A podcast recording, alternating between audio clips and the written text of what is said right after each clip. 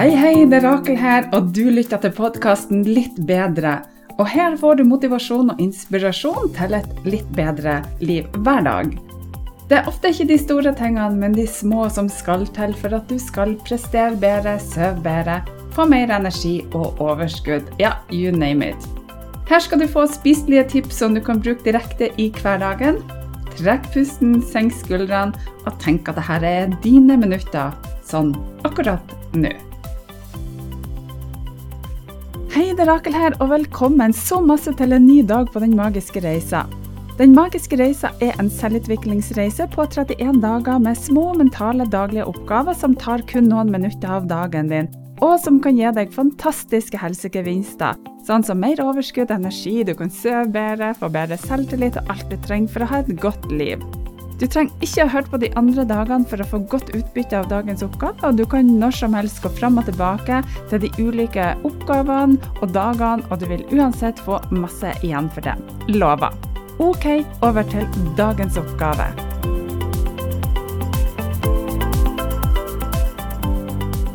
Velkommen så masse til dag nummer 18 på Den magiske reisa, og hjertelig takk for at du fremdeles er med. Stikkordet i dag er vann. Vann er min favorittdrikk nummer én. Jeg elsker vann. Og I dag så har jeg lyst til å fortelle deg om et av mange eksperimenter som er gjort med vann. Jeg vet ikke om du har hørt om Masaru Emoto. Det er en japaner som har gjort mye forskning på vann. Og han mener at du kan påvirke vann på en positiv eller en negativ måte. Historien om Masaru Emoto og hans eksperimenter med vann det blir en velkjent illustrasjon på dette konseptet av hvordan våre tanker og følelser kan påvirke påvirke miljøet rundt oss. her.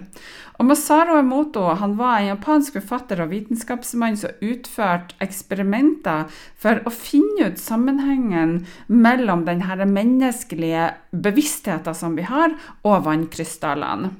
Og Emoto han hevder at vann er i stand til å lagre informasjon og følelser fra omgivelsene, inkludert menneskelige tanker og ord. Så det er jo en ganske tøff uttalelse, akkurat det. Så det som han gjorde, det er at han utførte eksperimenter der han utsatte vann for forskjellig påvirkning, f.eks. ulike typer bønner og meditasjon og musikk og ord og tanker osv. Og han hevda at du da kunne gå inn og så kunne påvirke strukturen på iskrystallene ved å utsette vann for forskjellige ord og tanker, og han hevda da at positive ord som f.eks. kjærlighet og takknemlighet skapt vakre og symmetriske krystaller, mens negative ord resulterte i uklare og asymmetriske strukturer. Han utførte også eksperimenter der han utsatte vann for ulike typer musikkstykker, og han påsto at vakker og deilig og harmonisk musikk resulterte i vakre krystaller, mens musikk da som var uklar, eller som ikke var noe bra, og som ikke var i rytme, produserte uklare mønster. Og Masaru Mota hevder også at mennesker som sendte kjærlige intensjoner gjennom bønn eller meditasjon, kunne da påvirke vannets krystallstrukturene på en positiv måte. Og det har inspirert folk til å reflektere over den krafta som finnes i positive tanker, ord og intensjoner. Og han gjorde et eksperiment som jeg syns er superinteressant. Det han gjorde, var det at han kokte ris. Og han kokte en porsjon ris med vann som var gitt positive ord og affirmasjoner, og en porsjon ris med vann som var blitt negative ord og affirmasjoner. Og Deretter så la han de her to porsjonene i hvert sitt glass, sånn slags norgesglass, hvor det ene var skrevet positive ord, og det andre negative ord. Og etter tre uker så testa han da hvordan risen hadde utvikla seg på denne tida, pga. at han satt de her glassene på benken i romtemperatur. Og risen som da var kokt i vannet med de positive ordene og affirmasjonene, var i ganske god forfatning. Men det andre glasset, som inneholdt ris som var kokt med det negative vannet, og så da var plassert i et glass med negative ord påskrevet, det var i elendig forfatning og hadde begynt å mugle ganske så mye. Og jeg synes, og det her har jeg fulgt med i mange år, og jeg syns det er utrolig fascinerende på hva vann kan gjøre med oss her. Og hvis du tenker over at kroppen din består av ca. 70% vann, Så det vannet du fyller på hver dag, det kan være med på å påvirke tankene dine. Og dersom du ikke tror på det, så skal jeg gi deg en utfordring. Men jeg har lyst til å fortelle om et annet eksperiment av eh, Masaru Emoto som også er gjort med vann. Han hadde um, sånn ulike typer. Han, han hadde jo en del forelesninger. Og utafor et av de her auditoriumene så tok han tre boller med vann, så satt han utafor klasserommet, og alle studentene fikk beskjed om at de på vei ut skulle sende den første bollen, skulle de sende gode tanker, den neste negative tanker, og den siste skulle de bare ignorere. Og Deretter så ble dette vannet gitt til levende planter, og det fascinerende resultatet var som følger. De plantene, for de hadde akkurat samme forutsetninger, var satt i samme rom, i samme vinduskarm, med akkurat de samme forutsetningene på alle de tre. Og plantene som fikk det positive vannet, det blomstra og klarte seg kjempebra.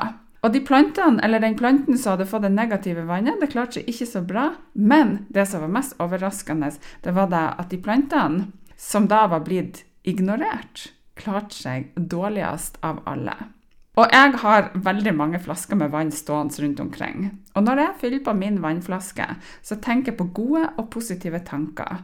Jeg tenker at vann gjør meg godt. Vann er positivt for meg. Vann gjør meg frisk og rask. Og på noen av flaskene mine så har jeg tegnet et smilefjes og skrevet positive ord og affirmasjoner. Så min oppgave til deg i dag, det er å drikke masse godt positivt, rensende, deilig, forfriskende vann, og la vann være din favorittdrikk nummer én. Du elsker vann. Du elsker vann! og du kan gjerne tegne med en tusj på flaska di, og skriv positive ord på den. Og så kan du skrive ord som f.eks. sterk, flott, fantastisk, dyktig, raus, kraft, styrke smart, kjærlighet. Så skriv ord som du ønsker å styrke deg med. Så om du ønsker mer kjærlighet i livet ditt, så skriv kjærlighet.